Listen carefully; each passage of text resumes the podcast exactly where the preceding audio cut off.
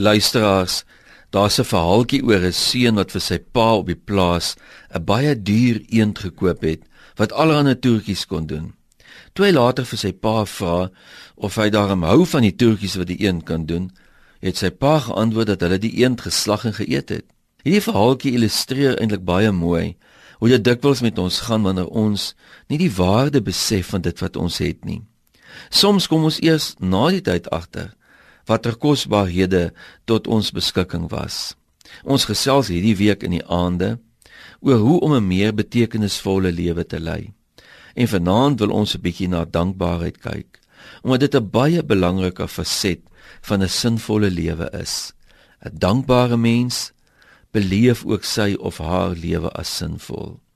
En dankbaarheid skop nie eers in wanneer jy alles het nie, want dan gaan jy nooit dankbaar wees nie. Genoeg is mos dikwels net so bietjie meer as wat jy tans het.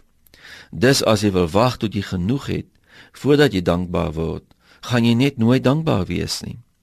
'n Sinvolle lewe is egter nie 'n eindbestemming waarby jy moet uitkom nie, maar dit is om elke oomblik se genade te waardeer.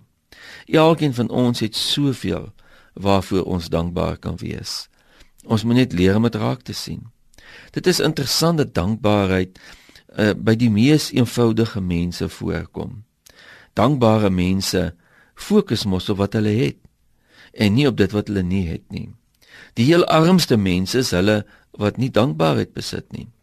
Ek het al mense gesien wat 'n diep seer het, maar steeds dinge raak sien waarvoor hulle dankbaar is. Soos byvoorbeeld om dankbaar te wees vir geliefdes wat hulle ondersteun.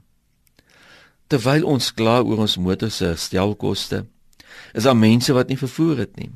Terwyl ons kla oor die huis wat ons moet verf of skoonmaak, is daar mense wat geen dak oor hulle kop het nie. Dit is dikwels die mees van selfsprekende dinge in die lewe waarvoor ons dankbaar behoort te wees. En hoe meer ons begin om dankbaarheid te betoon, hoe meer word ons bewus van sake waarvoor ons dankie kan sê. Paulus sê in 1 Tessalonisense 5:18: Wees in alle omstandighede dankbaar, want dit is wat God in Jesus Christus van julle verwag. Ons betoon ons dankbaarheid nie net teenoor mense nie, maar ook teenoor God, omdat ons daarmee bely dat ons weet dat al die goeie dinge wat ons ontvang uit God se hand uitkom. Vader, maak asseblief ons oë ook oop vir die voorregte wat ons elke dag geniet. Amen.